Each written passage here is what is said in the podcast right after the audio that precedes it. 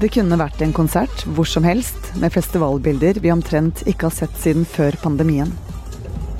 Svette folk som hopper opp og ned, skriker og filmer med mobilkameraene, med glowsticks i hendene og dype utringninger. Men det her er ikke hvor som helst. Det er i Riyadh i Saudi-Arabia. Et land hvor du bare for noen få år siden kunne bli arrestert av det religiøse politiet for å spille musikk på gaten. Hva er det som har skjedd i et av verdens mest konservative land? Du hører Forklart fra Aftenposten. Jeg er Synne Søhol, og i dag er det onsdag 5. januar. Eh, Saudi-Arabia har lenge vært et ekstremt konservativt kongedømme. Hanne Christiansen bor i Istanbul, hvor hun jobber som korrespondent for Aftenposten. Og litt lenger sør for Tyrkia, Syria og Jordan ligger Saudi-Arabia på den arabiske halvøy. Monarkiet er et av verdens rikeste land med rundt 30 millioner innbyggere, og er sterkt knyttet til islam. Landets offisielle religion er, er en veldig, den ultrakonservative retninga av islam som heter wahhabisme. Og det synes særlig godt i forholdet mellom kvinner og menn. Saudi-Arabia har også vært et av eh, verdens mest kjønnssegregerte land i lang tid. Eh, kvinner har inntil for eh, noen veldig få år siden ikke kunnet kjøre bil, eh, ikke kunnet reise uten følge eller tillatelse fra en mann. Og de har også måttet gå i dette heldekkende plagget som heter abaya, en slags lang kappe som da de fleste kombinerer med et hodeplagg, enten en hijab eller en heldekkende nikab. Men i 2017 skjer det noe. Inn i maktposisjon kommer en fyr som skal innføre store endringer i landet.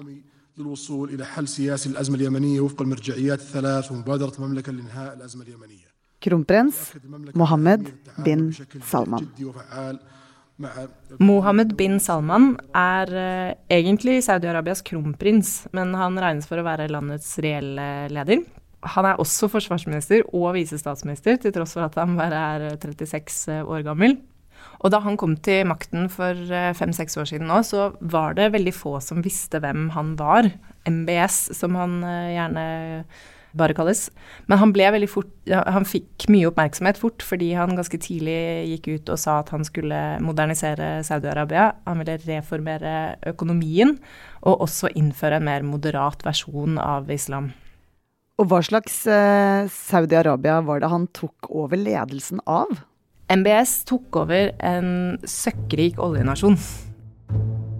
Eh, Saudi-Arabia er et land som eh, får nesten alle inntektene sine fra olje, og i motsetning til andre oljerike land, som f.eks. Norge, så kommer ikke de inntektene fra skatter og avgifter, men direkte fra eksport av olje. Så det har jo lenge gjort Saudi-Arabia veldig sårbar for svingninger og, eller fall i oljeprisen. Og for ikke å snakke om eh, endringene i verdensøkonomien som er ventet å, å, komme da som følge av klimakrisen. Så MBS han eh, bestemte seg tidlig for å legge en plan for hvordan han skulle eh, løse disse problemene til Saudi-Arabia, og den planen den kalte han for Visjon 2030. Hva gikk den planen ut på?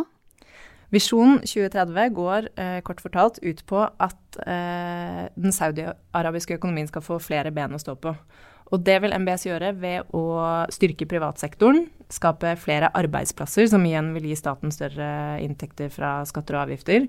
Og så har han hyret inn en hel hær med internasjonale PR-konsulenter som skal hjelpe ham å bedre Saudi-Arabias image utad, som da er en svært viktig del av det å tiltrekke seg flere utenlandske investorer, og også turister. Så derfor, rett før jul, mens vi hang opp julepynt og stakk vattpinner opp i nesa for å finne ut om vi kunne dra på besøk, så skjedde det flere ting i Saudi-Arabia som var utenkelige for bare noen få år siden. Den siste tiden så er det den delen av Visjonen 2030 som eh, kanskje handler særlig om fest og moro, som har blitt spesielt synlig.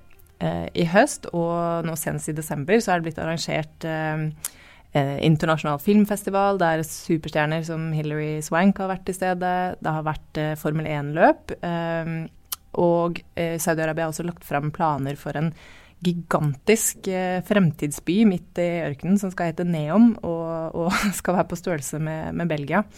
Og så ikke minst, eh, kanskje mest oppsiktsvekkende å se, så har, har det også vært arrangert eh, et digert rave der eh, unge menn og eh, også en del kvinner kunne danse side om side i eh, i hvert fall i saudiarabisk målestokk ganske eh, lite klær, da.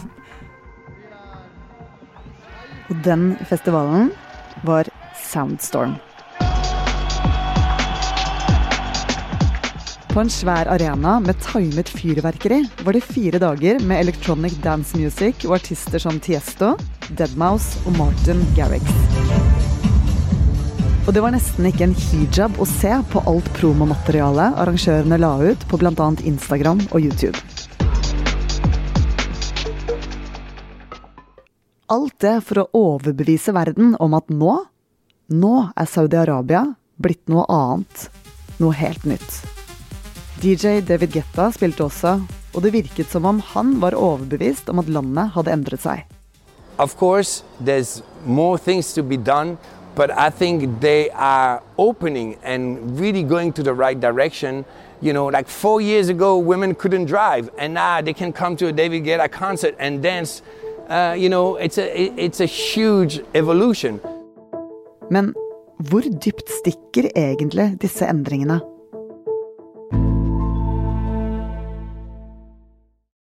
Det er flere eksempler på Saudi-Arabias nye retning.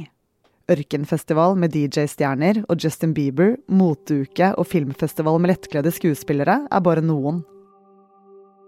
Og dette i et land der kvinner har måttet dekke seg til, og der folk kan havne i fengsel for å spille musikk eller danse offentlig.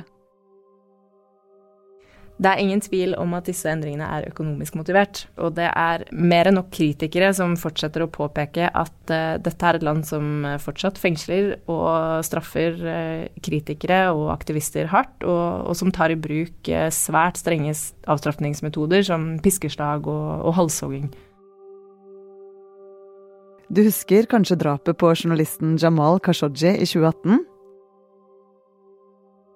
Han bodde i eksil i USA og hadde skrevet flere kritiske artikler om kronprins Mohammed bin Salman for Washington Post. Høsten 2018 måtte han innom Istanbul for å hente papirer for å kunne gifte seg med sin forlovede. Og mens hun venter utenfor det saudiarabiske konsulatet, skal 59-åringen ha blitt kvalt til døde og deretter partert og fraktet ut i bager og kofferter av en gruppe på 15 agenter.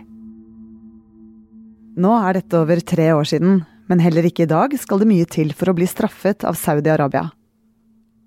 Et nyere eksempel på det handler om en 38 år gammel mann. I fjor høst ble han arrestert og tiltalt for å skrive på Twitter at Gud ikke finnes. Ali Abu Luhum er en jemenittisk mann som eh, nylig ble dømt til 15 år i fengsel fordi Saudi-Arabia mener at han har fremmet vantro, eh, frafall og ateisme. Dette skjedde på bakgrunn av eh, ting han hadde lagt ut, eh, eller angivelig hadde lagt ut på to eh, anonyme Twitter-kontoer. Så han er egentlig et, et, godt eksempel på at det fortsatt er svært risikabelt å, å ytre seg i sosiale medier i Saudi-Arabia. Og hva sier de historiene som vi nevnte her, om hvordan det står til i Saudi-Arabia? Nei, de viser jo i hvert fall at de største endringene hittil fortsatt foregår på overflaten, og, og at det vi ser utad handler i stor grad om uh, image og glamour, og ikke i like stor grad om uh, å ta fatt på å liksom virkelig endre strukturene, sånn at folk får de grunnleggende rettigheter rettighetene de har krav på, da. Men hvordan er det å bo i Saudi-Arabia, da? Eh, hvordan er livet, hverdagslivet for vanlige folk? Altså, Saudi-Arabia er jo et søkkrik land. Sånn at eh, store deler av landet ser veldig moderne og velutviklet ut. Men de som bor der, lever fortsatt under veldig strenge regler. Eh, det er ikke lov å drikke alkohol eller bruke andre rusmidler. Eh, du får ikke lov til å leie kjæresten din i, i, offentligheten. Og hvis du praktiserer en annen religion enn islam, så må du for all del gjøre det privat og ikke offentlig. Og så er det også sånn at selv om en del av de uh, reglene og lovene for kvinner som vi har vært inne på er i ferd med å myknes opp, så er det veldig, veldig mange de aller fleste, vil jeg si, som fortsatt eh, dekker seg til når de ferdes ute i offentligheten. Så eh, det er et land som både er preget av strenge lover og regler, men også av veldig konservative tradisjoner og normer. Men er det andre regler for turister, siden altså, ref det vi har sett på de festivalene? I utgangspunktet så skal jo turister forholde seg til lokale lover og regler, sånn som i et hvilket som helst annet land. Men det er ikke så vanskelig å se for seg hvilken katastrofal eh, PR-øvelse det hadde vært for Saudi-Arabia dersom det religiøse politiet eh, arresterte en ikke-muslimsk turist for f.eks. å kle seg feil. Da. Eh, og så har man også sett eksempler i høst på at eh, lokale saudiarabere har blitt arrestert under disse kulturarrangementene som har vært holdt, eh, bl.a. for å danse for utfordrende eller eh, kle seg feil. Sånn at det, i praksis så kan det jo se ut som om det er andre regler for turister enn for eh, befolkningen.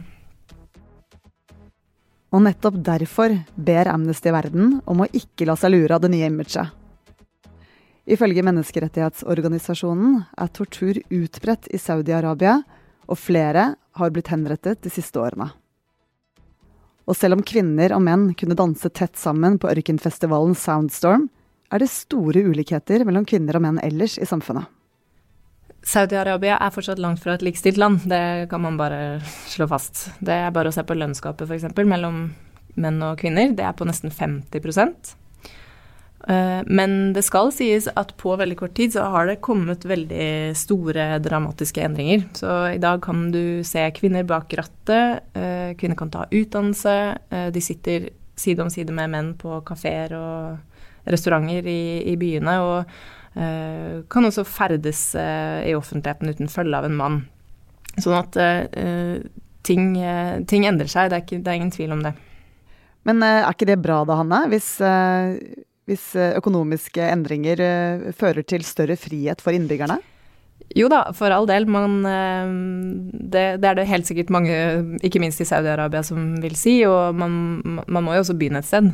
Endringer skjer jo som kjent ikke over natten. Men det spørs jo da om disse endringene kommer til å skje bare i enkelte arenaer av folks liv, og ikke i andre. At man f.eks.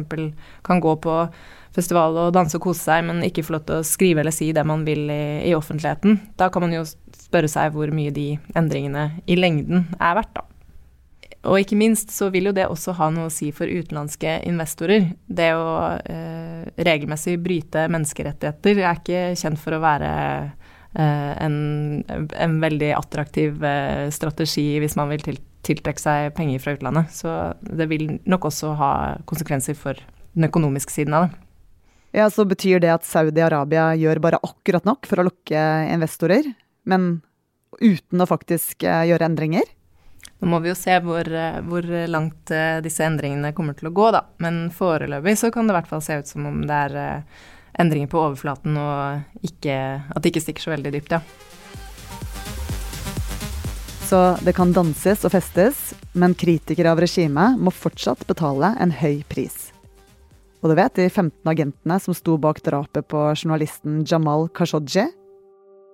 For ikke lenge siden kom det oppsiktsvekkende nyheter om hva som skjedde med dem. I Saudi-Arabia så endte den historien med en rettsprosess som internasjonale observatører har vært eh, sterkt kritiske til. Kort fortalt så ble eh, fem menn først dømt til døden, og så fikk de senere omgjort eh, den straffen til eh, fengselsstraffer med varierende lengde.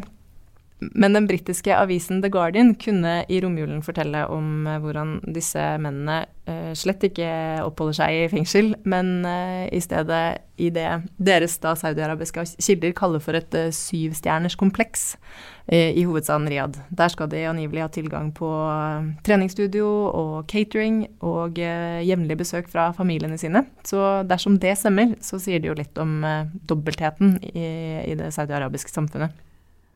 Og helt til slutt, eh, Hanne. Kommer visjonen 2030 til å virke? Blir Saudi-Arabia en turistdestinasjon på lik linje med Dubai? Det blir spennende å se, da. Eh, og for all del, det er jo en fin ting å se for seg at Saudi-Arabia åpner opp og blir mer liberalt og, og et friere sted å ferdes, både for saudi-arabere og internasjonale turister. Men jeg tenker at det kan være greit å, å, huske på at land som Emiratene, der Dubai jo ligger, heller ikke er helt i mål med verken likestilling eller menneskerettigheter. Eh, det fortsetter også å være sted, eh, altså steder der folk, også turister, eh, risikerer å havne i fengsel dersom de gjør eller sier noe som fornærmer myndighetene.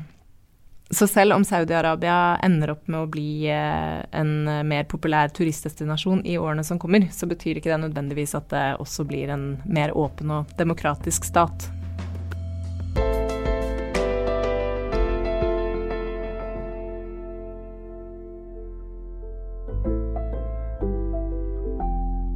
I denne episoden har du hørt Midtøsten-korrespondent i Aftenposten, Hanne Christiansen fra Istanbul. Lydklippene er hentet fra Soundstorm-arrangøren MDL Beast og nyhetsbyrået AP. Det er Anne Lindholm og jeg, Synne Søhol, som har laget denne episoden. Resten av Forklart er Fride Nesten Onsdag, Marte Spurkland, David Vekone og Anders Weberg.